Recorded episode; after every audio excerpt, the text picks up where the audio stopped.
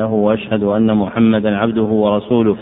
أما بعد فهذا هو الدرس الرابع من برنامج اليوم من برنامج الدرس الواحد السابع. والكتاب المقروء فيه هو محاضرة في السرف المالي للعلامة الميلي رحمه الله. وقبل الشروع في إقرائه لا بد من ذكر مقدمتين اثنتين. المقدمة الأولى التعريف بالمصنف. وتنتظم في ثلاثة مقاصد. المقصد الأول جر نسبه هو الشيخ العلامة مبارك بن محمد إبراهيمي الميلي الجزائري.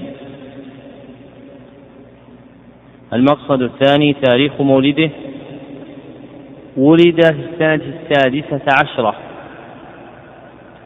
بعد الثلاثمائة والألف. المقصد الثالث تاريخ وفاته توفي رحمه الله في الخامس والعشرين من شهر صفر سنة أربع وستين بعد الثلاثمائة والألف وله من العمر ثمان وأربعون سنة رحمه الله رحمة واسعة. المقدمة الثانية التعريف بالمصنف وتنتظم في ثلاثة مقاصد أيضا. المقصد الأول تحقيق عنوانه طبعت هذه الرسالة في حياة مصنفها رحمه الله باسم محاضرة في السرف المالي.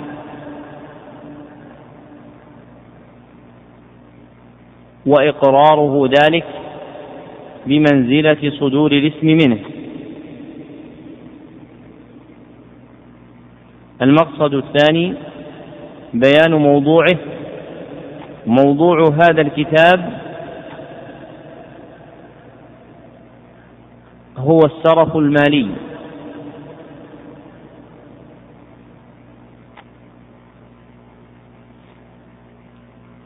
وكانت المحاضرات في عرف من سبق لا تلقى إلقاء ثم تفرغ في قالب المكتوب بل كانت تكتب وتلقى مكتوبة.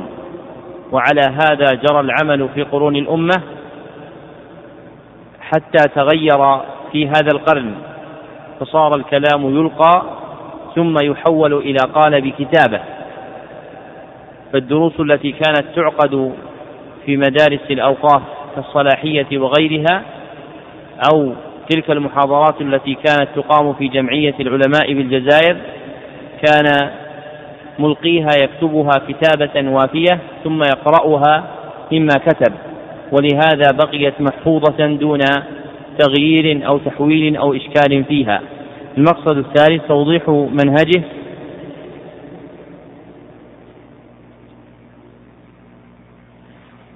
هذه الرسالة هي لون من ألوان البيان الأدبي.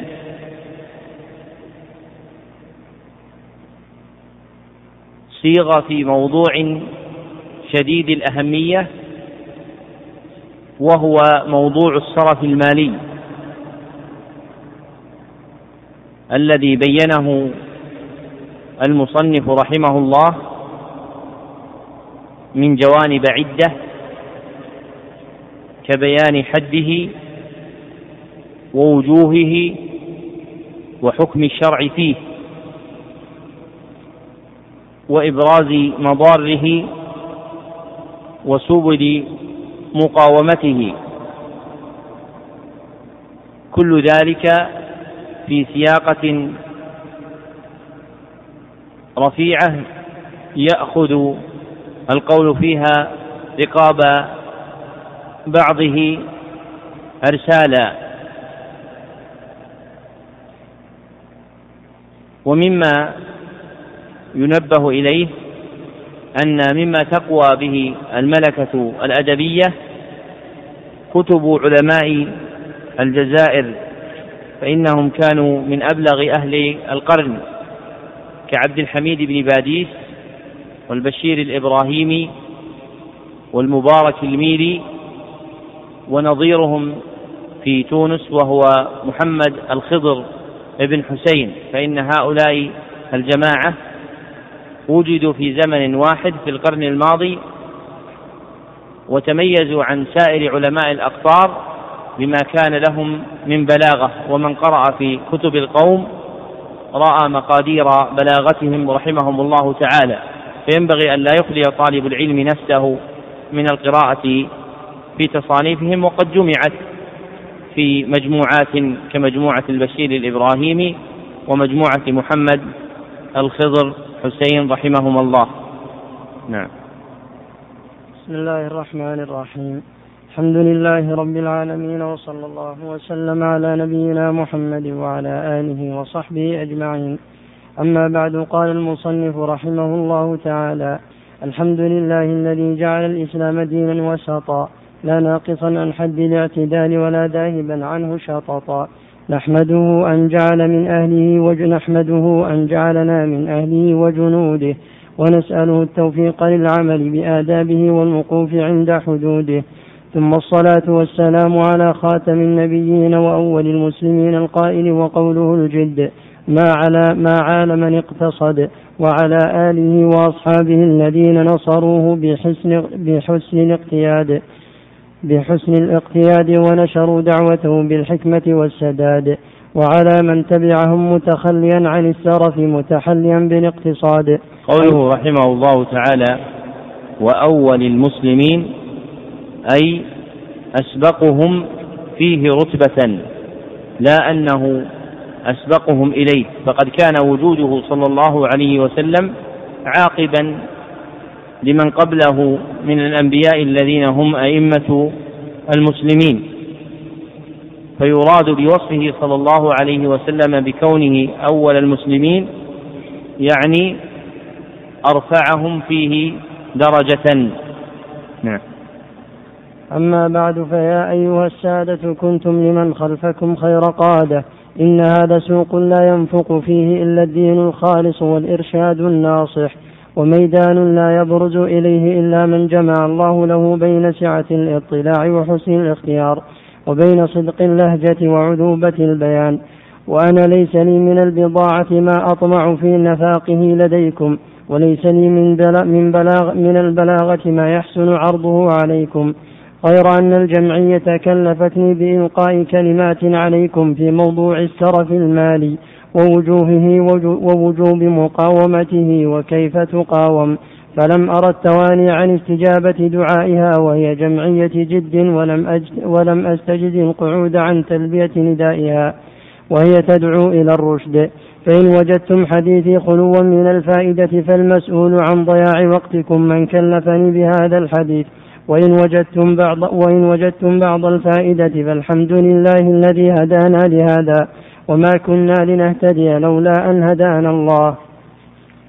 السرف المالي أيها السادة يطلق إطلاقا عاما على معنى وهو تجاوز المرء. أعد. السرف السرف أيها السادة يطلق إطلاقا عاما على معنى هو تجاوز المرء الحد في فعل من أفعاله فالغلو من شعبه ولعلاجه جمع علماء السنة أحاديث الاقتصاد في الطاعة. في أبواب كتبهم ووضع الغزالي كتابه الاقتصاد في الاعتقاد.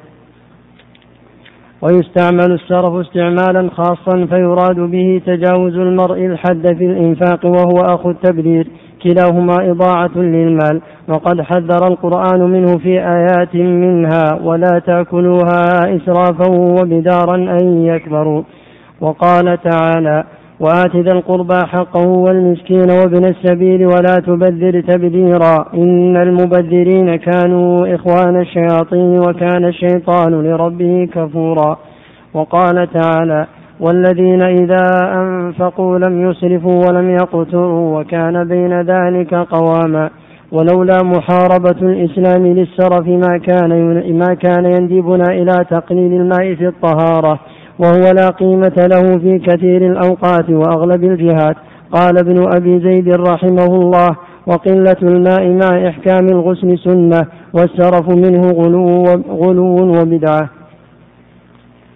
السرف الخاص أيها السادة هو موضوع حديثنا وإنما ذكرنا السرف العام لأن كل ما ورد في ذمه والوعيد عليه متناول للسرف الخاص. وقد أخبرنا القرآن أن المبذر أن المبذر أخو الشيطان وأن الشيطان كفور لربه فالمبذر كفور لربه وسائر في طريق الكفر بربه وكفى به حكما ممن قوله الحق وله الملك يوم ينفخ في الصور. ذكر المصنف رحمه الله تعالى في هذه الجملة بيان حقيقة السرف فذكر رحمه الله تعالى أن السرف يطلق على معنيين اثنين.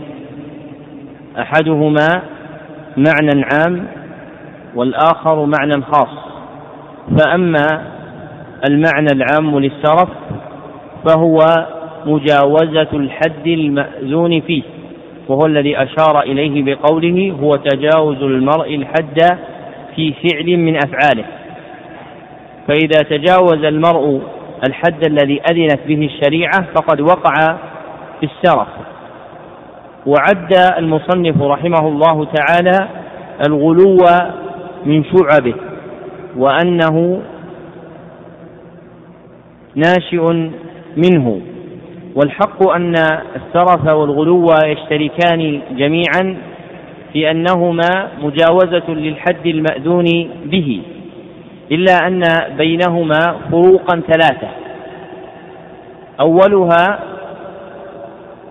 أن الغلو في العقائد والسرف في الأفعال. وثانيها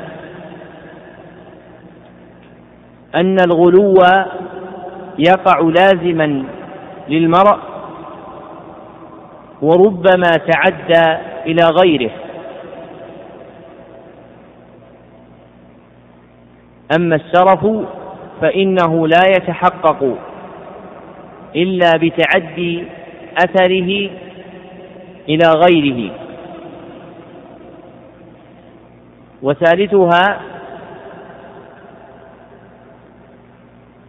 أن الغلو يتمحض قصد صاحبه في طلب التقرب والتعبد بما يفعل. وأما السرف فقد يكون واقعا على جهة التعبد وقد يكون واقعا على جهة العادة.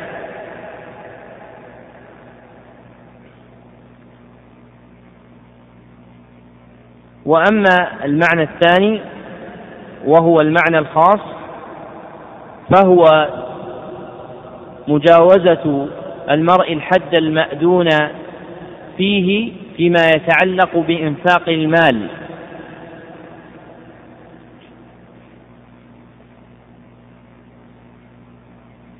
وله شريك لقبي في خطاب الشرع وهو التبذير والفرق بينهما أن السرف يقع بمجاوزة حد أذن في أصله فيكون أصل الفعل مأذونا به. وأما التبذير فإنه يتعلق بإنفاق المال في وجوه غير مأذون بها.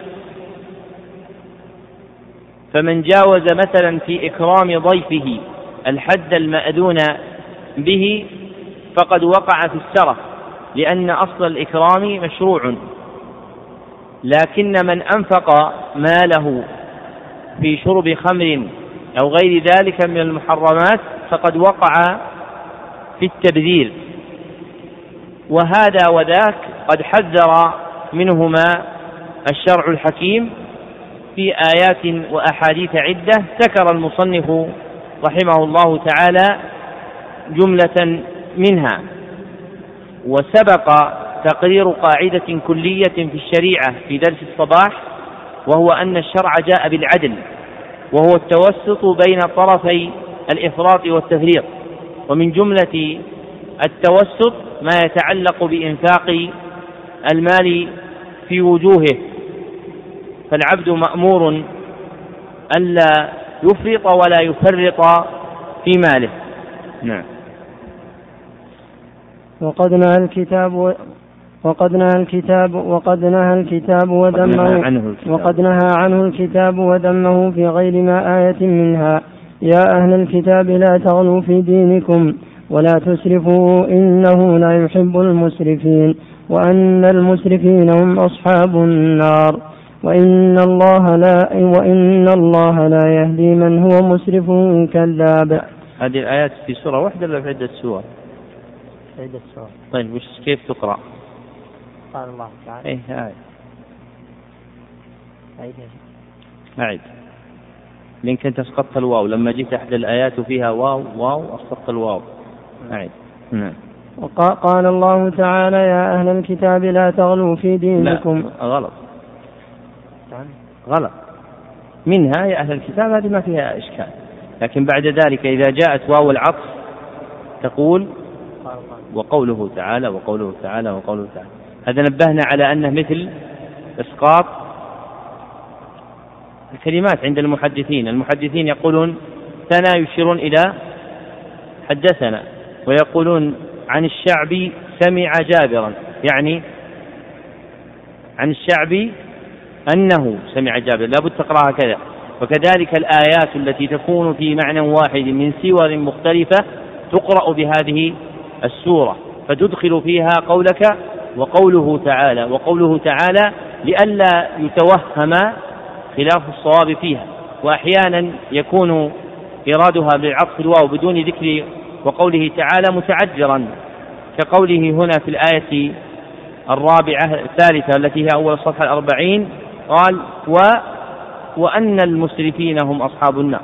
فمن المتعذر أن تقرأها هكذا لكن تقرأها فتقول وقوله تعالى نعم. وقوله تعالى ولا تسرفوا إنه لا يحب المسرفين. وقوله تعالى وأن المسرفين هم أصحاب النار. وقوله تعالى إن الله لا يهدي من هو مسرف كذاب. هذه القاعدة في أي متن تهم اللي ذكرناها؟ واسطية. نعم. عاقبة الشرف المالي في الآخرة أن يلقى أن يلقى بصاحبه في النار وعاقبته في الدنيا أن يلقى به في المتربة والصغار. فالشرف المالي هو الذي ألقى بأسرنا بين أيدي المرأة المرابين الذين إذا ذكرت لهم الرحمة وأثنيت عليها حسبوها غنيا مغرما, مغرما بكراس النيابة. أو مبتلا بخصومة العباد أو في معنى أو في معنى هذين ممن ممن يهين المال في سبيل إهانته ويشتته لتشتيت شمله. والسرف المالي هو الذي وضع بيوتا كانت ذا مجد وسؤدد. والسرف المالي هو الذي أخرج من أيدينا أملاكا وأي أملاك إلى أيدين إلى أيد ترى من أشرف أعمالها سلبنا قوت يومنا. والسرف المالي هو الذي قعد بالأمة الجزائرية عن تعمير المساجد وإنشاء المدارس واتخاذ الملاجئ للفقراء والعجزة. وبالآخرة إن السرف المالي هو الذي قس القلوب وأمات الشعور وجعل ما في وجودنا من منفعة فلغيرنا وما فيه من مضرة ومعرة فعلينا. فكانت الجمعية موفقة في اختيار هذا الموضوع لو أنها اختارت له غيري ممن يصوره تصويرا ممن يصوره تصويرا ينفذ إلى القلوب على قسوتها ويحرك المشاعر على غلظتها ويفتح البصائر على طول غفلتها. إذا كان السرف أيها السادة هو تجاوز الحد فإن الحد منه مشروع ومنه معروف فما حضره الله علينا فقد حدنا عنه فإن فإنفاق فلس واحد في المحظورات تجاوزا للحد المشروع يعد سرفا تترتب عليه مضاره الأخروية والدنيوية وما ندبنا إليه الشرع فقد رخص لنا في تركه ليترك, ليترك لنا فسحة النظر في عواقب الإنفاق في المندوبات وحق اختيارها بعضها على بعض عند تواردها. فالسرف في فالسرف في المندوبات هو كثرة الإنفاق التي تؤدي إلى إهمال مندوبات هي أعم نفعا وأعظم أجرا أو تفضي إلى العجز عن حقوق الناس من أداء دين أو نفقة عيال. فالإنفاق على الفقراء لحظ حياتهم الفانية القاصرة النفع. ليس كالإنفاق على تعليم البنين والبنات لحفظ, حياة لحفظ حياتهم الخالدة المتعدية الفائدة. وهكذا وهكذا وهكذا تختار من وجوه الإنفاق في الخير ما هو أبقى لمسيرتك وأجدى على أمتك. وما أباحه الشرع لنا فقد وكل فعله وتركه إلى نظرنا واختيارنا. بميسرتك ما هو أبقى لميسرتك وأجدى على أمتك.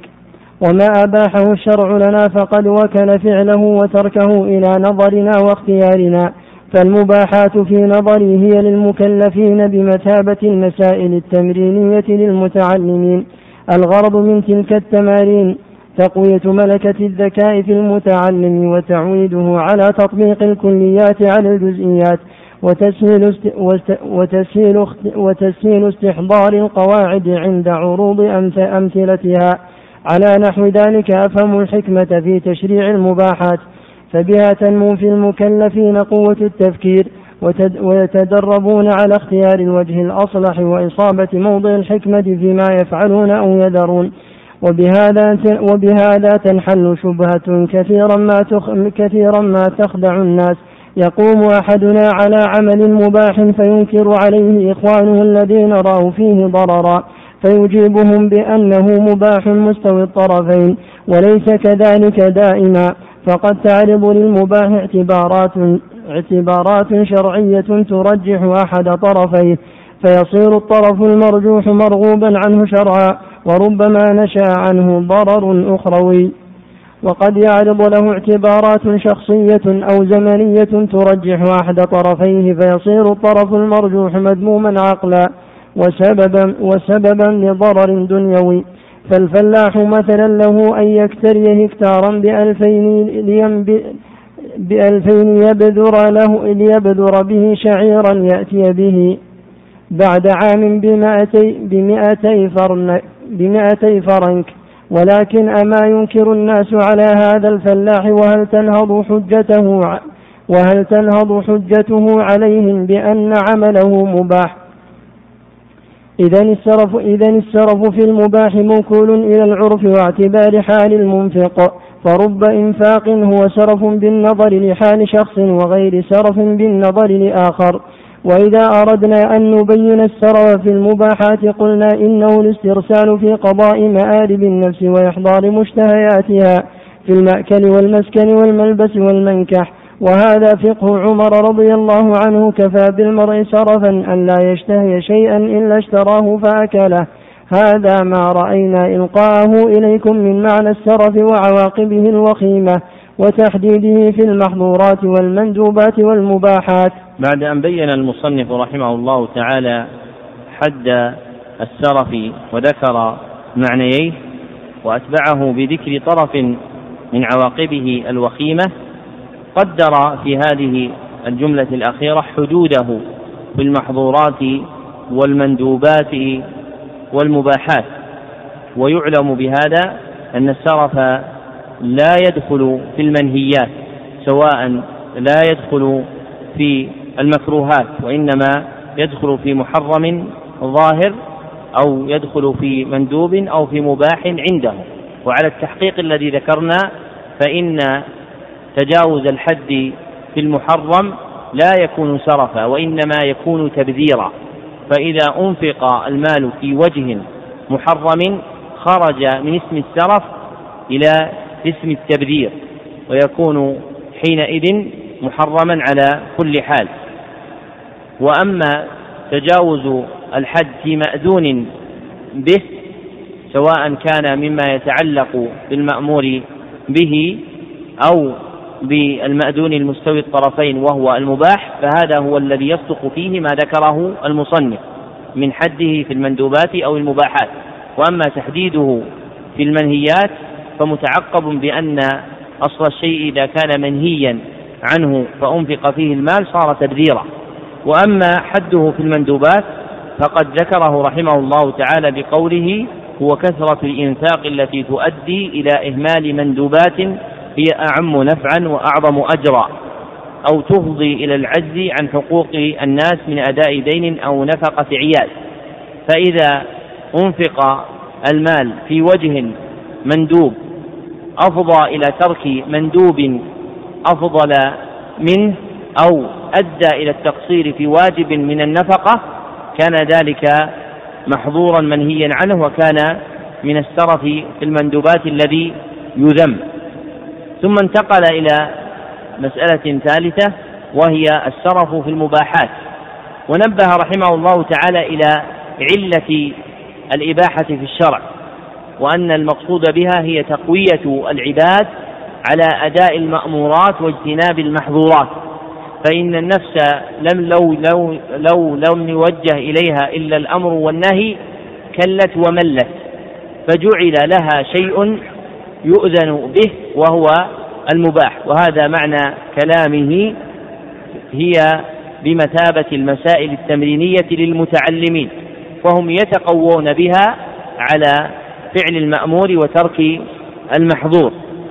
ثم نبه رحمه الله تعالى إلى مسألة تتعلق بالإسراف في المباح وهي أن من الناس من يتعلل لتوسعه في المباحات كمأكل أو مشرب أو ملبس أو نوم بقوله بأن هذه الأمور مباحة مستوية الطرفين. ورد رحمه الله تعالى هذه المقالة بأن المباح قد تعرض له اعتبارات شرعية ترجح أحد طرفيه فيصير الطرف المرجوح مرغوبا عنه شرعا. ومن جملة ذلك السرف في المباح فإن المتقرر في أصول الفقه أن المباح مستوي الطرفين فيكون مأذونا به لا يتعلق به أمر ولا نهي لذاته. لكن إذا اقترن به معنى إذا اقترن به معنى خارج عنه فإنه قد يخرج عن حد الإباحة. ولذلك ذهب جماعة من الفقهاء رحمهم الله تعالى إلى أن الإسراف في المباح مكروه وهو مذهب الحنابلة. كما قالوا ويكره الإسراف في المباح.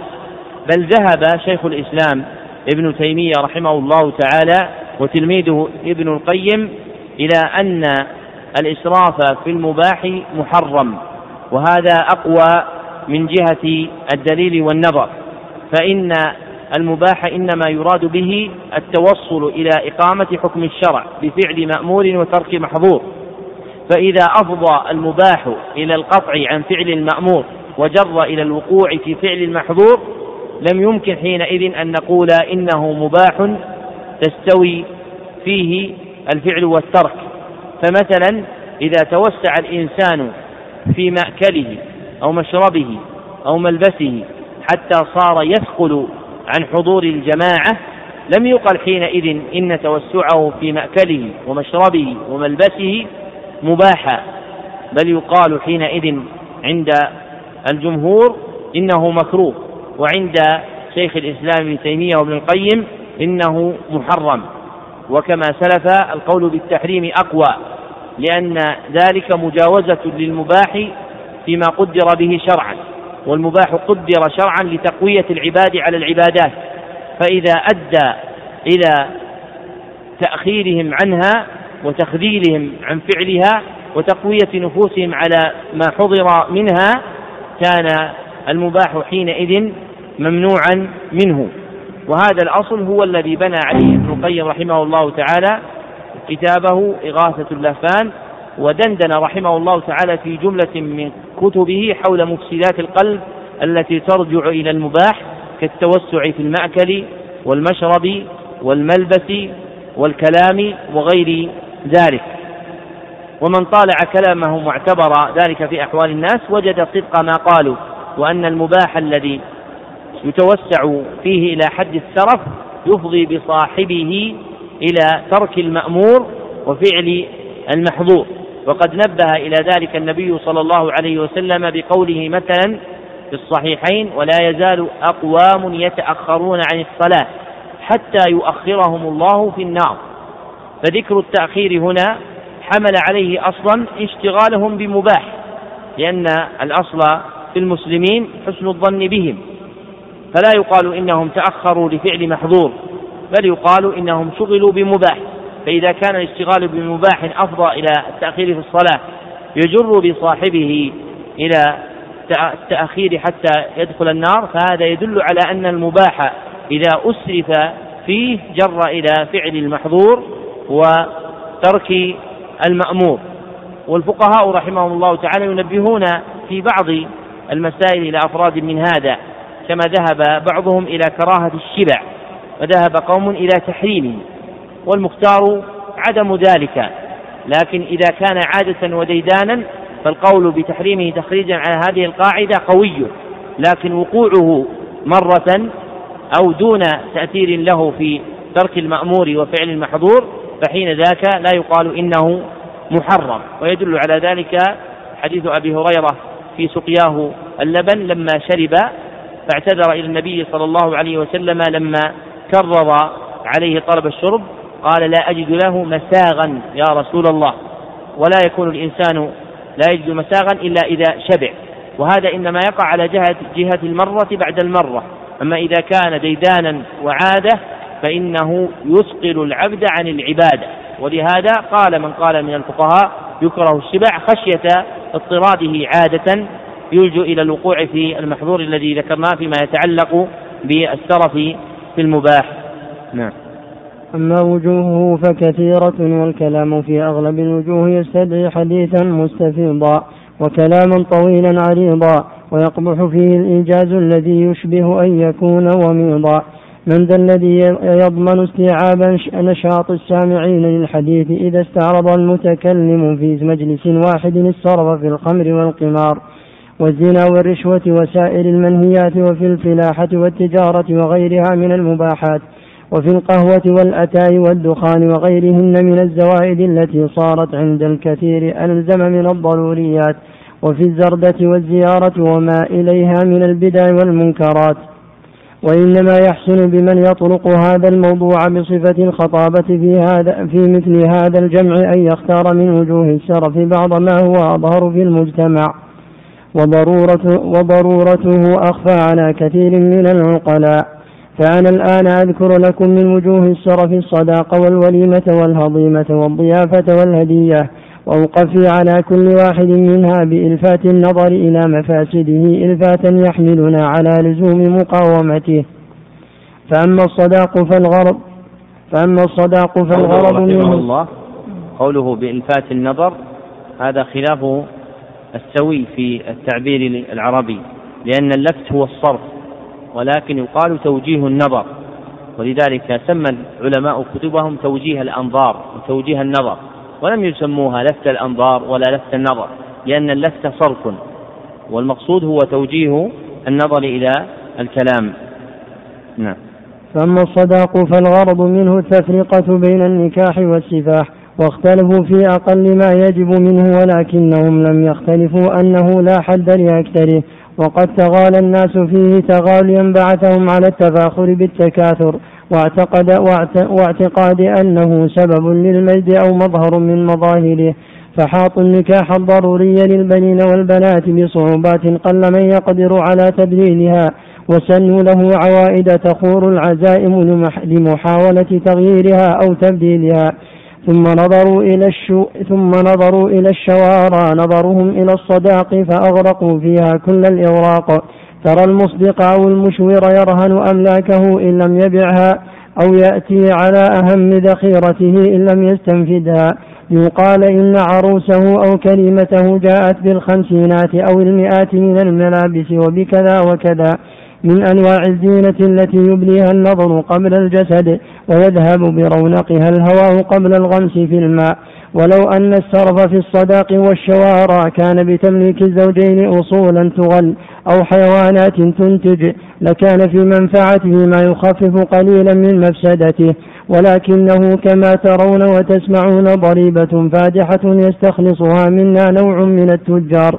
لا نجدهم للتنفيس على معسر ولا لبناء مشروع خيري نشا, نشأ عن هذا السرف سوى الإضرار العامة لكل سرف. أضرار لا يستهان بها.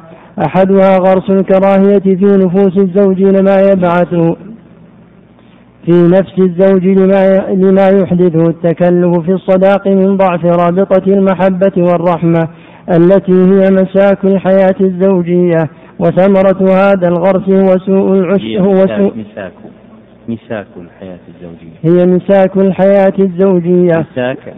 بزينة ومعنى جماع يعني الذي يجمع الحياة الزوجية نعم. مساك؟ مساك مساك. نقول وزنا ومبنا يعني على جنة جماع وبمعناه نعم. التي هي مسا... التي هي مساك الحياة مساك. التي هي مساك الحياة الزوج.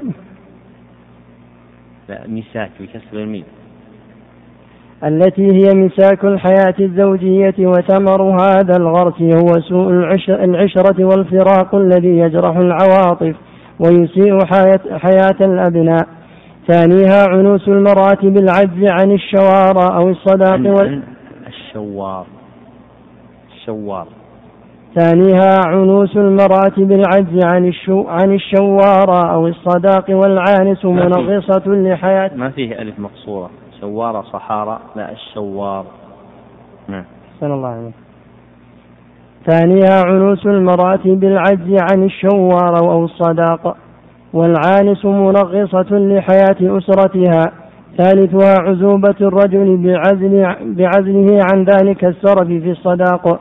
والرجل والرجل الأعزب عضو الأشل في الأغلب. رابعها إنكاح البنت غير ما تميل إليه ويميل إليها جريا خلف كثرة المال ودوسا لعاطفة المحبة بسبب رقة الحال. خامسها كثرة الطلاق من بناء عقدة النكاح على السرف في الصداق لا على المحبة والوفاق سادسها ضعف, ضعف الأخلاق وانتشار الشرور من أجل اضطراب النفوس الناشئة عن العزوبة والعنوس فإن النكاح سكون وطمأنينة للزوجين. قال الله تعالى ومن آياته أن خلق لكم من أنفسكم أزواجا لتسكنوا إليها وجعل بينكم مودة ورحمة إن في ذلك لآيات لقوم يتفكرون سابعها ضعف ضعف الأمة بقلة النسل ورقة الدين وصرف مواهب الشباب إلى الاشتغال بالفراغات بين العامرات بالمساوي والذي يألف بالفارغات. وصرف إلى الاشتغال بالفارغات بل العامرات بالمساوي والذي يألف مناظر الغ... والذي يألف مناظر الغرام والهزل لا يستطيع أن يقف موقف الجد والبطولة. ونختم هذا الوجه من السرف بكلمة صحت عن عمر بن الخطاب رضي الله عنه عند أحمد وأصحاب السنن. قال رضي الله عنه والأمة غنية بكثرة الغنائم وقلة أبواب الإنفاق. ألا لا ألا لا تغالوا في صداق النساء. ألا تغلوا. ألا لا تغلوا في صداق النساء فإنها لو كانت مكرومة في الدنيا وتقوى عند الله لكان أولاكم بها النبي صلى الله عليه وسلم. ما أصدق رسول الله صلى الله عليه وسلم امرأة من نسائه ولا أصدقت امرأة من بناته أكثر من ثنتي عشرة أوقية. وإن كان رجل ليبتلي بصداق امرأته حتى يكون لها وإن كان رجل ليبتلى بصداق امرأته وإن كان رجل ليبتلى بصداق امرأته حتى يكون لها عداوة في نفسه وحتى يقول كلفت إليك عرق كلفت إليك. كلفت إليك عرق القربة. والاثنتا عشرة أوقية تزيد على أربعمائة درهم ولا على أربعمائة درهم. ولكنه نهى عن الزيادة على الأربعمائة وعزم على وضع على وعزم على وضع الزائد في بيت المال. فردت عليه امرأة بقوله تعالى وآتيتم إحداهن قنطارا فرجع إليها وكان وقافا عند كتاب الله. ولم يرجع إليها في ذم الغلو وأن فيه مفاسد ولكن في تحديد أكثر الصداق وتمليك الزائد للمسلمين. ونرى أن عمر رضي الله عنه كان لا يعجزه الجواب بأنه أمير, أمير وللأمير أن يقصر المباح على أحد طرفيه حسب المصلحة العامة ولكنه اختار التسليم لوجوه. أحدها خشية أن يكون وضع الزائد على ما حده في بيت المال غصبا. إما لمال المصدقة أو لمهر الزوجة وثانيها أنه كان يرى نفسه كما هو الواقع أسوة وقدوة فسلم للمرأة. ليعلم الأمة احترام الأفكار وعدم التعصب للنفس يدل لذلك ما رواه مالك في الموطأ أنه احتلم في سفر واشتغل بغسل أثر واشتغل بغسل أثر الاحتلام من ثوبه حتى أسفر. فقال له عمرو بن العاص رضي الله عنه لو تركت ثوبك يغسل فإنا معنا ثيابا فأجابه بأنه ليس كل الناس يجدون ثيابا ولو فعلتها لكانت سنة. وثالثها الوقوف عند ظاهر القرآن واتهام النفس بأن في التأويل انتصارا للفكرة والتأويل في الأغلب تضليل للنفس وتعطيل للنص. ولولا السره في التأويل ما سترت عنا محاسن الدين. ولا تعذر على المرشدين جمع كلمة المسلمين. لما بين المصنف رحمه الله تعالى ما سلف مما يتعلق بتحديد السرف شرع رحمه الله تعالى يكشف عن وجوده في جملة من صوره بين المسلمين ومن جملة ذلك الصداق الذي هو مهر المرأة. وقد أجمع أهل العلم على إيجاب المهر للمرأة ولكنهم اختلفوا في حد أقله وأكثره. والصحيح أنه لا حد لأقله ولا لأكثره ولكن يراعى فيه حكم الشريعة. فإذا كان فيه ظلم وهضم بالإنقاص أو إسراف وإفحاش بالزيادة كان منهيا عنه لأجل هذا المعنى. وقد ذكر رحمه الله تعالى ما آل إليه حال الناس من السرف في الصداق ثم بين جملة من أضرار ذلك كغرس الكراهية في نفس الزوج وإضعاف رابطة الزوجية بين الرجل وامرأته والتسبب في خشو عنوسة النساء وعزوبة الرجال وكثرة الطلاق وضعف الأخلاق وانتشار الشرور وإقلال النسل ورقة الدين.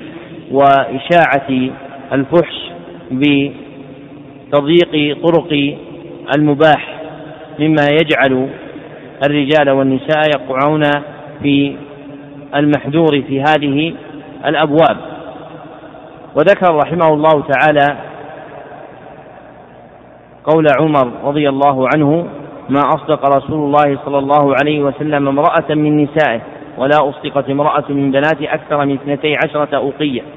وهذا دال على عدم المبالغة في المهر لأن ذلك لا يجاوز أربعمائة درهم كما بينه رحمه الله تعالى. ثم ذكر قول عمر وإن كان الرجل لا يبتلى بصداق امرأته حتى يكون لها عداوة في نفسه. وهذا قد صرح به جماعة ممن وقع في الطلاق فإنه يقول بأن الذي جره إلى حل عقد الزوجية بينه وبين زوجته أنه لا يتزال يتذكر كلما رآها ما أثقلت به كاهله من الديون طلبا لصداقها ومهرها. ثم ذكر رحمه الله تعالى ما جاء عن عمر من إرادة تحديد المهور في القصة المشهورة مع المرأة التي ردت عليه. وهذه القصة قصة لا تثبت ولم تروى من وجه صحيح. وما ذكره من تطلب حمل فعل عمر على تركه الإلزام بالتحديد لا يحتاج إليه لأن هذه القصة لم تثبت في نفسها. ولكن تحديد المهور إذا أريد به وضع حد لمفاسد متعدية فلولي الأمر أن يضعه. وأما باعتبار الشرع فالأصل أن المهور لا تحديد لها. لكن إن وقعت مفاسد مترتبة من المبالغة في المهور فحينئذ ينظر ولي الأمر في مصلحة الرعية لأن حكم ولي الأمر مناط بمصلحة الرعية كما قرره الفقهاء رحمهم الله تعالى. نعم. وأما الوليمة فقد فعلها رسول الله صلى الله عليه وسلم وأمر بها والغرض منها إظهار النكاح والإحسان إلى الفقراء. وكانت في صدر الإسلام بسيطة خالية من السرف والتكلف. وفي صحيح البخاري أنه صلى الله عليه وسلم أولم على صفية بنت حيي وعلى زينب بنت جحش من أمهات المؤمنين رضوان الله عليهن رضوان الله عليهن أجمعين بتم رضوان الله عليهن أجمعين بتمر وسمع وأقط. رضوان الله عنهن. أن تقول عليهن. صلى الله عليه وسلم. في القرآن رضي عليه ولا رضي عنه؟ عنه. صلى الله عليه أولم على صفية بنت حيي وعلى زينب بنت جحش من أمهات المؤمنين رضي الله عنهن أجمعين بتمر وسمن واقط وفيه أنه أولم على بعض نسائه بتمر من بمدين من شعير. وكذلك الوليمة على فاطمة بنت أفضل الخلق كانت بمدين من شعير. كما في الطبراني. وقد أسرف الناس في الولائم فتنافس الأغنياء في مظاهر الترف وقلدهم من دونهم. كل بما يجد ويجتهد فما شئت من فرش مبثوثة لأقدام الوجهاء محرومة منها أعين الفقراء إلى ستائر منمقة وموائد منوعة. ويمتد هذا السرف أياما تختلف باختلاف أقدار المولمين. ولا تخلو الولائم عادة من منكرات تكلم الدين وتغضب رب العالمين وعوائد مستنكرة تقدح في مروءة المولم وتجرح أصدقاءه من إعطاء المدعوين أموالا للراقصين والراقصات. ويجمع المولم منهم مالا مالا يفتخر بكثرته وهو ما يعبر عنه في جهات في جهات من الوطن بالعون وفي الأخرى بالتاوسة وفي الأخرى بالغرامة. إن بعث الناس إلى الولائم بغير الباعث الشرعي فأثمر لهم مفاسد منها صعوبة النكاح بالعجز عن صرف الولائم وصعوبة النكاح تفضي إلى ما تقدم من العنوس والعزوبة وضعف الأخلاق وضعف الأمة. ومنها تغير قلوب المتحابين والمتصاهرين بعدم إعطاء المدعوين منهم للراقصين والراقصات ما يرضي المولم أو بقلة ما يبذلونه له من العون أو التاوشة أو الغرامة أو بزيادة بعضهم على بعض في ذلك. وألفة. وألفة القلوب نعمة لا يستهين بها إلا الأنانيون الذين لا يهمهم غيرهم غير ذواتهم وقد امتن الله بها على الصحابة رضوان الله عليهم فقال تعالى فقال تعالى واذكروا نعمة الله عليكم إذ كنتم أعداء فألف بين قلوبكم فأصبحتم بنعمته إخوانا. وقال النبي صلى الله عليه وسلم لو أنفقت ما في الأرض جميعا ما ألفت بين قلوبهم ولكن الله ألف بينهم. وتبديد السرف في الولائم وتبديد السرف في الولائم لنعمة لنعمة لنعمة لا يشترى بما في الأرض جميعا ينسينا, ينسينا تبديد تبديده لأملاك كثيرة وإهانته لنفوس عزيزة. ومنها إهانة الفقراء وهم من حيث الخلق وهم من حيث الخلق أخف إجراما ومن حيث الدين أيسر انقيادا ومن حيث المجتمع أكثر إنتاجا. وقد جاء عن أبي هريرة رضي الله عنه مرفوعا عند عند موقوفا عند البخاري مرفوعا عند مسلم شر الطعام طعام الوليمة يدعى يدعى الغني ويترك الفقير فإذا أردنا السداد وسلوك طريق الاقتصاد فلنقتدي بولائم السلف ولنقصد فيها ولنقصد, ولنقصد فيها إلى المقصد إلى المقصد الشرع المقصد الأشرف من إعلان الزواج ونفع العدل المحتاج. ذكر المصنف رحمه الله تعالى ها هنا وجها آخر من وجوه السرف في إنفاق المال وهو السرف في الوليمة. وأصل الوليمة هي الطعام الذي يصنع للنكاح فإن العرب جعلت لموائد أطعمتها أسماء مشهورة عندهم منها الوليمة فإنها اسم لمأدبة النكاح وجاء الشرع بإقرارها وفعلها الرسول صلى الله عليه وسلم وأمر بها وكانت في صدر الإسلام خالية من السرف والتكلف كما ثبت في وليمته صلى الله عليه وسلم عند بنائه بصفية وزينب. أنها كانت بتمر وثمن وأقط وأقط أنه أولم على بعض نسائه بمدين من شعير. وكذلك روى الطبراني بسند لا بأس به أن وليمة فاطمة رضي الله عنها كانت بمدين من شعير لما بنى بها علي رضي الله عنه. وقد أسرف الناس في الولائم وتنافسوا فيها ووقعوا في منكرات بسبب هذا الإسراف كما ذكره المصنف رحمه الله تعالى.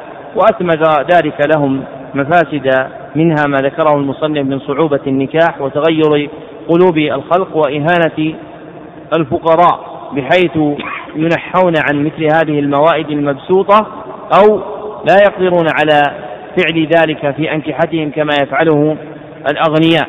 وقد جاء الشرع بتعظيم قدر الفقراء في أحاديث كثيرة كتقديمهم في الدخول إلى الجنة أو في جعل النصر بدعائهم. وغير ذلك من الأحاديث الدالة على تفضيل الفقراء على الأغنياء وهي مسألة طويلة عند أهل العلم تتعلق بالتفضيل بين الغني والفقير. ومن جملة ما يتعلق بالوليمة ما أرشد إليه النبي صلى الله عليه وسلم ها هنا بقوله شر الطعام طعام الوليمة يدعى إليه الغني ويترك الفقير. فجعل شرا لما فيه من هذا العيب والسلب. وهذا الحديث قد روي موقوفا لفظا مرفوعا حكما وقد جاء رفعه لفظا عند مسلم. وما جاء عن الصحابة من الحكم على شيء بالمعصية والكفر وأشباه ذلك فإنه محمول على الرفع كما نقله ابن عبد البر إجماعا. فإذا صرح الصحابي بكون شيء معصية أو كفرا فإن ذلك عن خبر لا عن رأي. كما قال عمار رضي الله عنه كما رواه بعض أصحاب السنن من صام يوم الشك فقد عصى. أبا القاسم صلى الله عليه وسلم فهذا يقال إن له حكم الرفع لما فيه من الجزم بالمعصية. ومثل هذا قول أبي هريرة لو لم يأتي مرفوعا لفظا فإنه يجزم بأن له حكم الرفع. نعم. وأما الإطعام على الموتى وهو ما يسمى في لسان النعي وفي لسان سلفه الفصيح الهضيمة وأحسنوا في هذا الاسم فإن فيها لهضما وأكلا لأموال اليتامى ظلما. يتكلف ولي الميت إطعام الناس على نحو إطعام الولائم وإعطاؤه أجرة للطلبة على قراءتهم للقرآن وللمريدين على أذكارهم على ذكرهم للأذكار.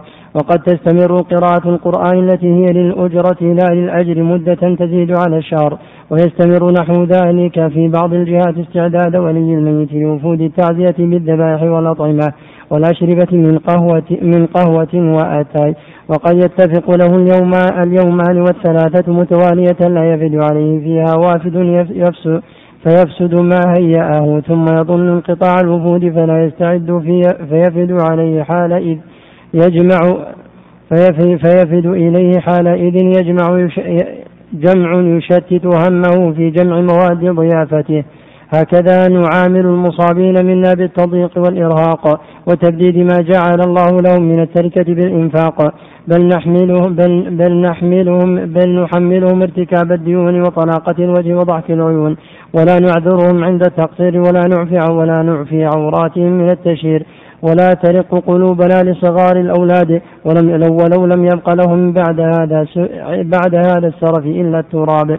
بل نأكل ونسترط ونأخذ ونغتبط. والله تعالى يقول وليخشى الذين لو تركوا من خلفهم ذرية ضعافا خافوا عليهم فليتقوا الله وليقولوا قولا سديدا. إن الذين يأكلون أموال اليتامى ظلما إنما يأكلون في بطونهم نارا وسيصلون سعيرا. وقد أثمر هذا السرف الممقوت علاوة على افتقار أسر وافتضاح بيوت أخرى مفاسد أحدها ضياع اليتامى فلا مال يبقى على كرامتهم ولا ولا قدرة على عمل لسد حاجتهم ولا ولا أقرباء يراعون حق قرابتهم. ولا جمعيات تقوم بكفالتهم فإن ماتوا صغارا كان موتهم علينا سبة وعارا.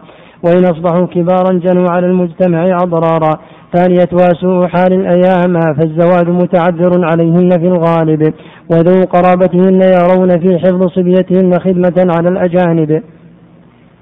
إن عملن, إن عملن فبوجه كاسف وإن قعدن فبقلب لاهف ثالثتها قسوة القلوب والغفلة عن عظة الموت. فقراء القرآن ترى الميت بينهم وهم يأكلون ويتعلدون ويتحدثون ويضحكون ويغتابون ويعيبون. ووفود التعزية للمصائب وإلى المصاب يمتحنون. فإن وجدوا لديه من لوازم الضيافة ما يقضي إلا باناتهم قالوا ما مات من خلى مثلك؟ خلاها تبارك الله عامرة وإن لم يجدوا ما يسد نهمهم ويبهت نظرهم. قالوا خل الدار, قالوا خل الدار فلان. وأي قلب أغلظ من قلب لا يتعظ بالموت. وإن لسان حال الأموات لأفصح من لسان الأحياء بالعظات. قالت امرأة تبكي أخاها وكانت في حياتك لي عظات فأنت اليوم أوعظ منك حيا. رابعتها صرف القرآن عن الغاية التي أنزل من أجلها فالقرآن الذي أنزل تذكرة لمن يخشى. أنزل ليتدبر ليتدبروا آياته وليتذكر أولو الألباب. أصبح بضاعة تباع للمرضى والموتى والقرآن الذي لو أنزل على جبل لرأيته خاشعا متصدعا من خشية الله. أضحى لا يتجاوز حناجر قرائه والقرآن الذي يجعل من الجبان شجاعا ومن الشح جوادا صار أهله إلا من رحم ربك أجبن الناس وأشجع وأشحهم. إن هذا لهو المصيبة التي لا يقاس بها الثكل ثاكل والداهية التي لا والداهية التي تصفر حقيقة منها الأنامل. فإذا أردنا في هذا الأمر الاستقامة والسلوك طريق السلامة فلنقرأ القرآن للاعتعاض والاعتبار ولا نتوسل به إلى إلى إلى الدرهم والدينار ولنعف المصابين من تلك العوائد ومد الموائد. بل يصنع لهم بل يصنع لهم بل يصنع لهم الطعام الجيران وذو الأرحام. روى أبو داود والترمذي وغيرهما أن رسول الله صلى الله عليه وسلم قال اصنعوا لآل جعفر طعاما. فقد آتاهم ما يشغلهم. ذكر المصنف رحمه الله تعالى ها هنا وجها ثالثا من وجوه السرف وهو السرف في الإطعام عند الموتى إذا ماتوا وهو الذي يسمى في لسان أهل الجزائر الهضيمة وهو مصطلح صحيح في اللغة. وهذا الفعل الذي يفعله الناس من الإطعام على الموت الذي يتكفله أولياء الميت هو من جملة النعي. فقد صح عند ابن ماجه من حديث جرير رضي الله عنه أنه قال كنا نعد الاجتماع على الطعام عند أهل الميت من النعي وهذا نقل على إجماع الصحابة رضوان الله عنهم على أن الاجتماع على طعام يصنعه أهل الميت للناس أن هذا من جملة النعي. المنهي عنه وانضم إلى صنع الطعام والاجتماع عند أهل الميت في بعض البلاد وجود من يقرأ من المقرئين ومن يتحدث من المتحدثين. ثم ذكر رحمه الله تعالى مفاسد لهذا السرف الموقوت من ممقوت منها ضياع اليتامى وسوء أحوال الأيام وقسوة القلوب والغفلة عن الاتعاظ بموت الميت. وصرف القرآن عن الغاية التي أنزل من أجلها إلى قراءته في المآتم. وذكر رحمه الله تعالى آخرا الطريقة الشرعية التي أمر بها الناس وهو أن من مات لأحد أقاربه أحد أو جار له فإن السنة أن يصنع جيرانهم وذو أرحامهم لهم الطعام. كما أمر بذلك النبي صلى الله عليه وسلم في حديث اصنعوا لآل جعفر طعاما فقد أتاهم ما يشغلهم.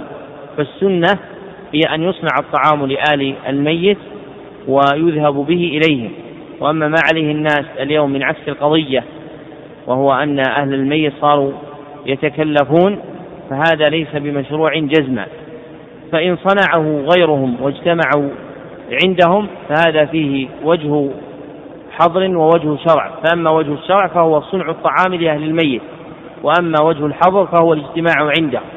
نعم يصنع الطعام لآل الميت كما أمر وأما أن يصنع الطعام ثم يدعى الناس للاجتماع عند أهل الميت فهذا مخالف للطريقة الشرعية. فصارت الوليمة التي صار الطعام الذي يصنع في حال وفاة أحد على ثلاثة أحوال. الحال الأولى أن يصنع لآل الميت ولا يدعى للاجتماع عليه.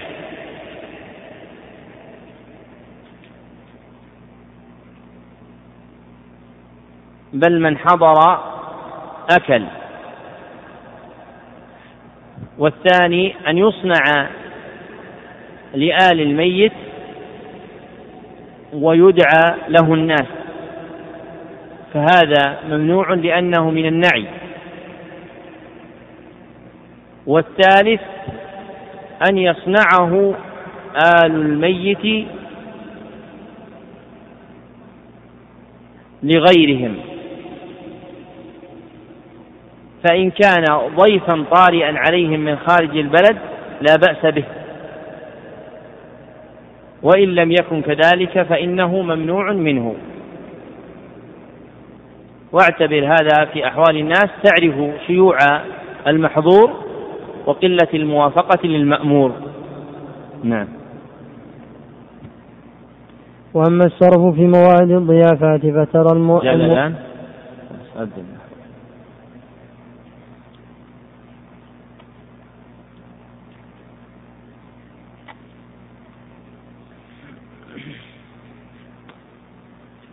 ورحمة الله وبركاته. فيه الرواة فتارة جعلوه عن علي موقوفا وتارة جعلوه عن أنس موقوفا أيضا وتارة ثالثة جعلوه مرفوعا إلى النبي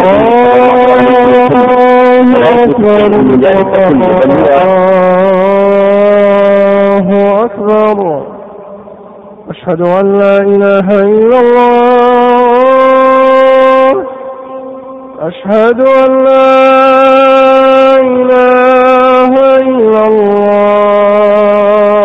لله ربنا وأشهد أن لا إله إلا محمد رسول الله. ورسوله. أشهد أن محمد رسول الله. حي على الصلاة. حي على الصلاة. حي على الفلاح. وأشهد أن لا إله حي على الفلاح.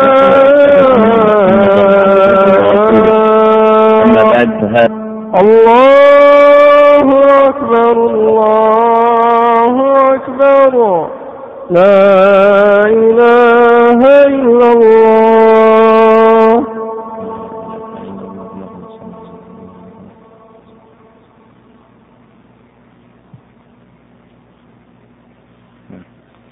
وأما الصرف في موائد الضيافة الضيافات فترى المضيف يتكلف تأتيت منزل الضيافة وزخرفته واقتناء الأواني الرفيعة.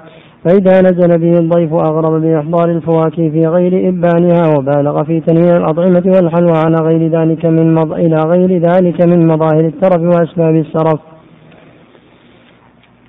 يبعث المضيف إلى ذلك الإسراف إما طلب مرضاة الضيف وتكريمته وإما حب الإعجاب بجوده ومقدرته وإما خشية كلام الناس فيه وأذيته فلو قصر في شيء فلو قصر في شيء مما جرت به عادة أمثاله بتقديمه للضيوف لعد تقصيره أو قصوره استخفافا بضيوفه ولؤما رضعه في صباه حكي لي أن رجلا موسرا يسكن بضيعة بعيدة عن القرى أضاف أضاف أصدقاء له وقدم إليه وقدم إليهم من فلاحته وكسبه لحما حنيدا ولبنا حليبا وفاكهة طرية وأطعمة شهية ولكنه لم يتعفهم بفناجين القهوة ولا بكؤوس الأتاي فعدوها له إساءة طغت على ذلك الإحسان وتحدثوا بها متعجبين متنقصين فبلغوا انتقادهم وانتقاصهم فدعاهم مرة أخرى فنزلوا عليه بعد الزوال فأسرع إليهم بفناجين القهوة ولم يزل يتردد إليهم بها حتى منتصف الليل.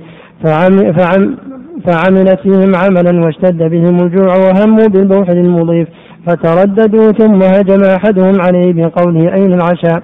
فأجابه هذه تتمة العشاء السابق. وكان جادا فلم يطعموا عنده هذه المرة غير القهوة. ولقد وفق في جوابه الفعلي كما أحسن في جوابه القولي وفي مضاد السرف في, في الضيافات غرس مبادئ الجفاء في القلوب وصول الشح في النفوس.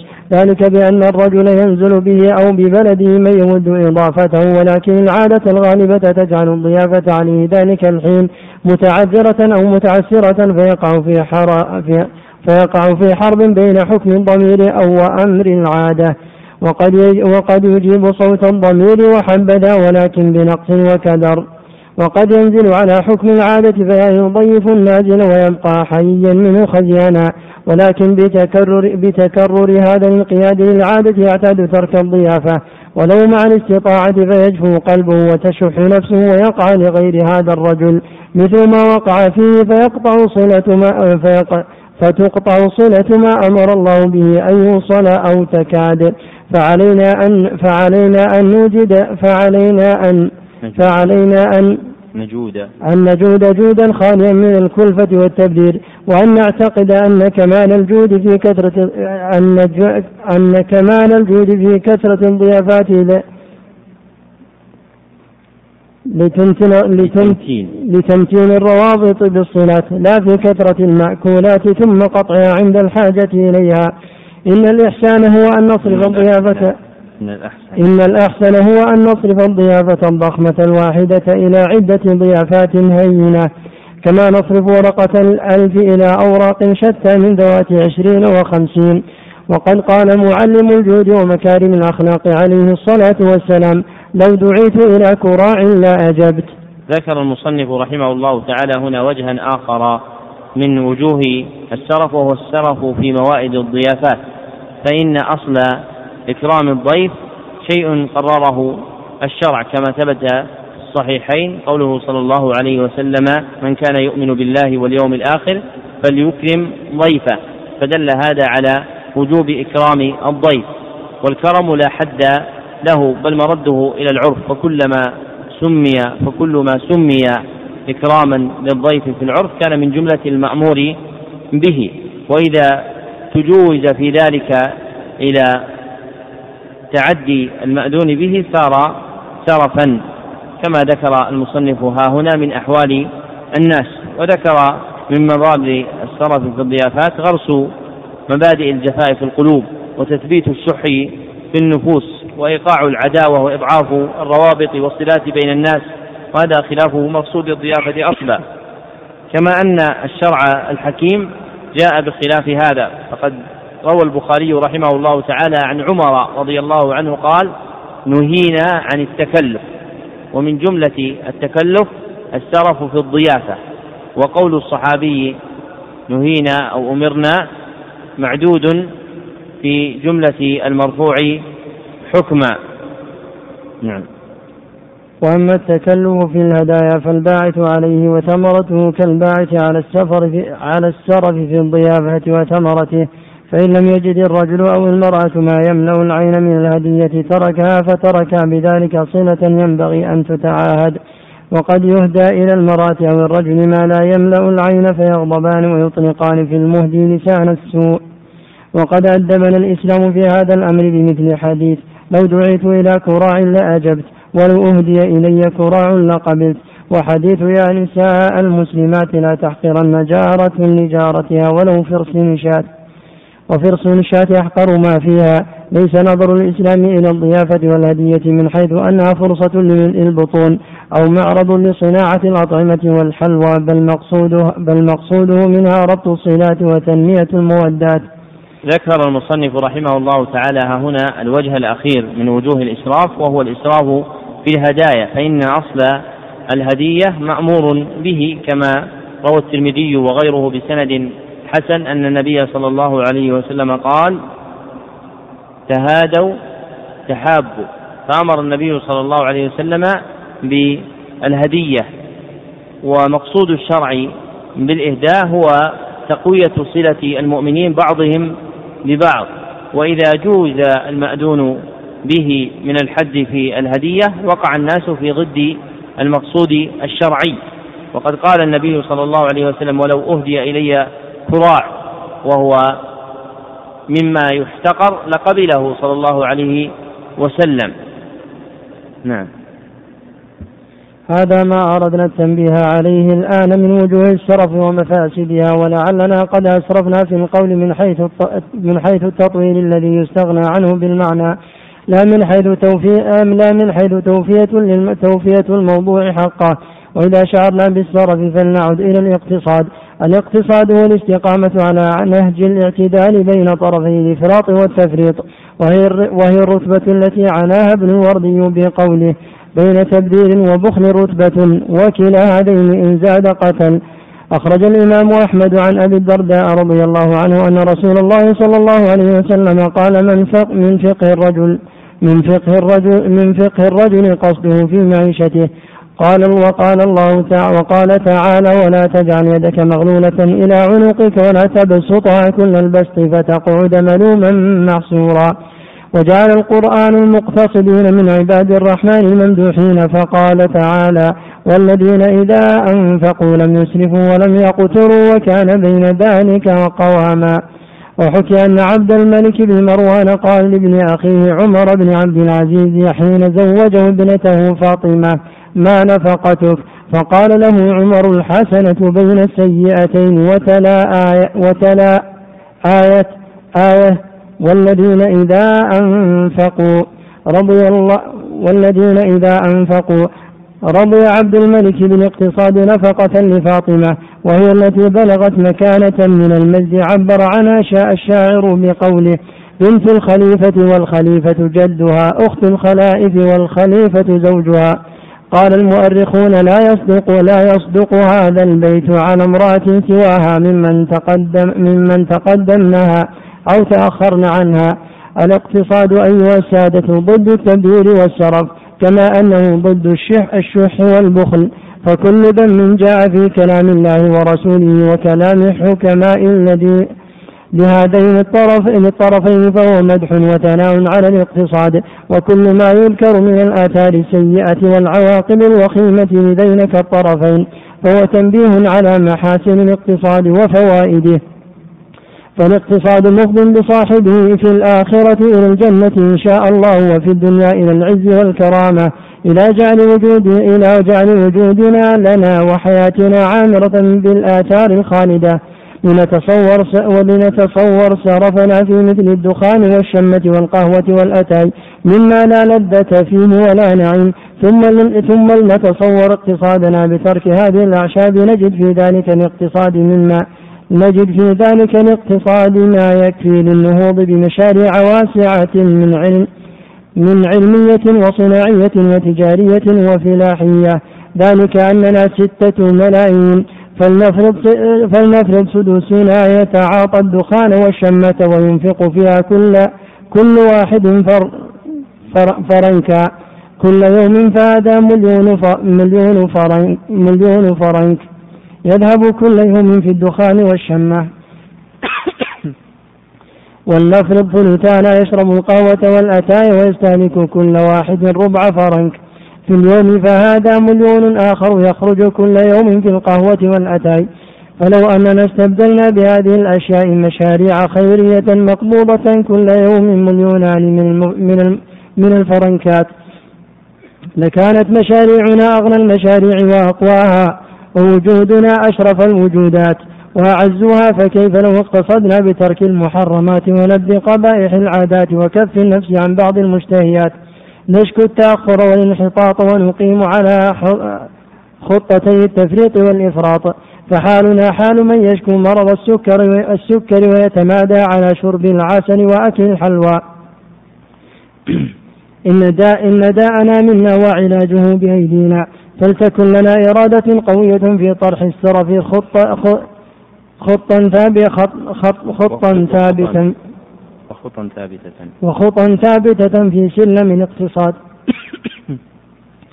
ولا نمثل الأعجوبة التي قال فيها الأول ومن العجائب والعجائب جمة قرب الحبيب وما إليه وصول كالعيش في البيداء يقتلها الظما والماء فوق ظهورها محمول. بعد أن فرغ المصنف رحمه الله تعالى من بيان وجوه السرف وذكر مفاسدها بين رحمه الله تعالى الحد المأمور به وهو الاقتصاد والمراد به الاستقامة بين طرفي الإفراط والتفريط فإن السرف يقابله التقتير وما بينهما هو الجادة المسلوكة السالمة شرعا.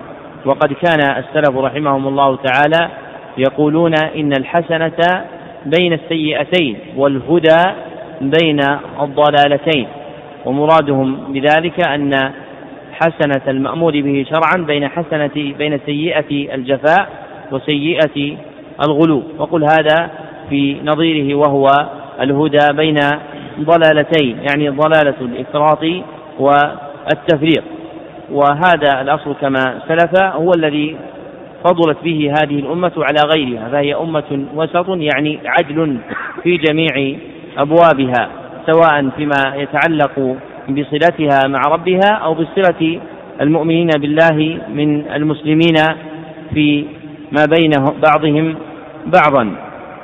ومن تمسك بالاقتصاد سلم في الدنيا ويوم المعاد ومن فرط في الاقتصاد خرج به ذلك إلى التقتير أو إلى الإسراف وكلاهما طرف مذموم.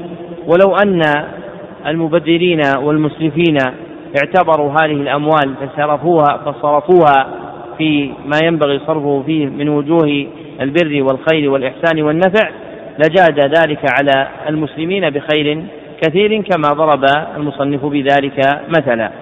نعم. ونرى الآن أيها السادة أنه قد استبان لكم السرف المالي واتضح لكم بعض وجوهه. وآمنتم بوجوب مقاومته على أي وجه كان واندمجت في غضون الكلام السابق. كيفية المقاومة وهي تعتمد على ثلاث دعائم ذكر ما جاء في السرف من الآيات وأحاديث وأقوال الحكماء. وهي ناحية نقلية. ثانيا بيان مضار السرف ومفاسده وهي ناحية عقلية. ثالثا أمثلة من اقتصاد السلف وهي ناحية عملية تطبيقية ولا بد لإثمار المقاومة من تعميم كيفيتها من تعميم كيفيتها بين طبقات الأمة وللتعميم وسائل. أحدها التعليم المسجدي فيقطع الواعظ من أوقاته من أوقات فيقطع الوعاظ من أوقاتهم دروسا في تفسير آية من آيات السرف أو حديث من أحاديثه ويبنون دروسهم على الدعائم الثلاثة التي وصفناها. ثانية التعلم المك... التعليم المكتبي فيلقي المعلم في أمثلة قواعده ودروس آداب ودروس آدابه بعض ما جاء في السرف مما ي... مما يقل مما يقل مما يقل لفظه ويقرب فهمه. ثالثة الخطابة فتنشأ خطب في مواضع السرف تكون نماذج تحتدى. رابعة المحاضرات بالنوادي. خامسة المقالات والقصائد بالصحف السيارة. سادسة إنشاء الأشعار العامية يتغنى بها بين الطبقات التي لا لا تغشى المساجد والنوادي والتي لم تزل بعيدة عن التأثير بالفصحى. سابعتها تخليد الحديث في هذا الموضوع بالتأليف والجمع وتيسير تعميمه بالنشر والطبع. فتعهد فتع فتعهد الجمعية إلى فتعهد الجمعية إلى من ترى فيه الكفاءة بالتأليف أو بجمع المختار مما يلقى في الموضوع بالفصحى. وبالعامية وتنشط الكتاب والأدباء والخطباء بجوائز على على ما تستحسنه من آثار أقلامهم وقرائهم. وتشارك في تعميم ما يطبع باشتراء نسخ منه وإهداء وإهدائها مجانا. ثامنة الأسوة الحسنة فيتقدم من يملك الشجاعة الأدبية إلى اعتزام الاقتصاد وطرح السرف فيما يغني من وجوه السرف المعتادة ويسعى في تقوية جانبه بحمل بعض أصدقائه على خطته. والمتشاركون في هذه الخطة يجمل أن يكونوا عزم أن يجملوا أن يؤكدوا عزمهم بالتحالف على التزامها. والقدوة الحسنة هي التي هي التي تجعل تجعل لكلام الله وقعا في القلوب ولأمر الدين احتراما في النفوس ولعظات المرشدين تأثيرا في المجتمع والقدوة الحسنة هي التي تجعلنا أمة أمة أمة جد وعمل. لا شرذمة هزل وتواكل. فإن وقوف المرشد عند حد القول يحمل المستمع على الوقوف عند حد السماع. وقرنه وقرنه القول بالعمل يبعث السامع على قرن السماع بالاتباع. فالقول المجرد يبعث القول يبعث على القول المجرد والامتثال بالعمل يبعث على الامتثال بالعمل وهذا سر نجاح السلف وفشل الخلف. لما بين المصنف رحمه الله تعالى أن السرف داء اجتماعي عضال ضرب بأطنابه في نفوس الخلق نبه إلى وظيفة أهل الإصلاح وهي مقاومة مثل هذه العوادي التي تغير على المجتمعات فتؤثر فيها. ورتب رحمه الله تعالى سبل مقاومة ذلك على ثلاث دعائم. أولها ذكر ما جاء في السرف من آيات وأحاديث وأقوال الحكماء وهي ناحية نقلية وثانيها بيان مضار السرف ومفاسده وهي ناحية عقلية. وثالثها ضرب أمثلة من اقتصاد السلف وهي ناحية عملية تطبيقية. ثم بين رحمه الله تعالى مخارج هذه الدعائم وطرائق امتثالها وأن الوسائل التي يمكن بها تحقيق هذه الدعائم في المقاومة لهذا الداء العضال في المجتمع يكون بإعمال جملة من الوسائل منها التعليم المسجدي يعني المنسوب إلى المسجد فيحرص الوعاظ على أن يجعلوا من أوقاتهم دروسا تتعلق بالسرف ومنها التعليم المكتبي وهو المنسوب إلى المكتب لأن أصل التعليم كان في عهد السلف من التابعين فمن بعدهم ينسب إلى المكتب وكان يعلم فيه القرآن والحساب وكتابة الأحرف. ثم خرج في صورة المدارس النظامية في القرون الهجرية الوسطى إلى زماننا هذا. فينبغي على القائمين في التعليم في المدارس والجامعات والمعاهد أن يتنبهوا إلى نشر ما يكون فيه وعي للناس إزاء هذا الداء العضال.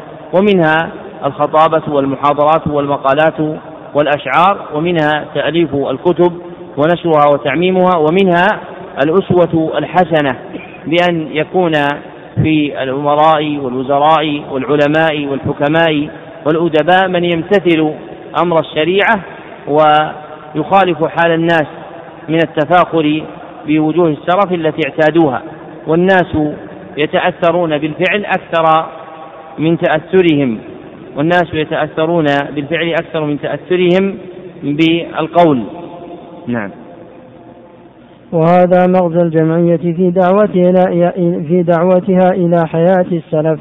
وما كان في حياة السلف من دين فالجمعية تقف فيه وقوفهم عند الكتاب والسنة واجتهاد فحول واجتهاد فحول الثقات وما كان فيها في في حياتهم من دنيا فالجمعية تأخذ منه الجد وبعد النظر فتختار من حياة هذا العصر الأرفع الأنفع.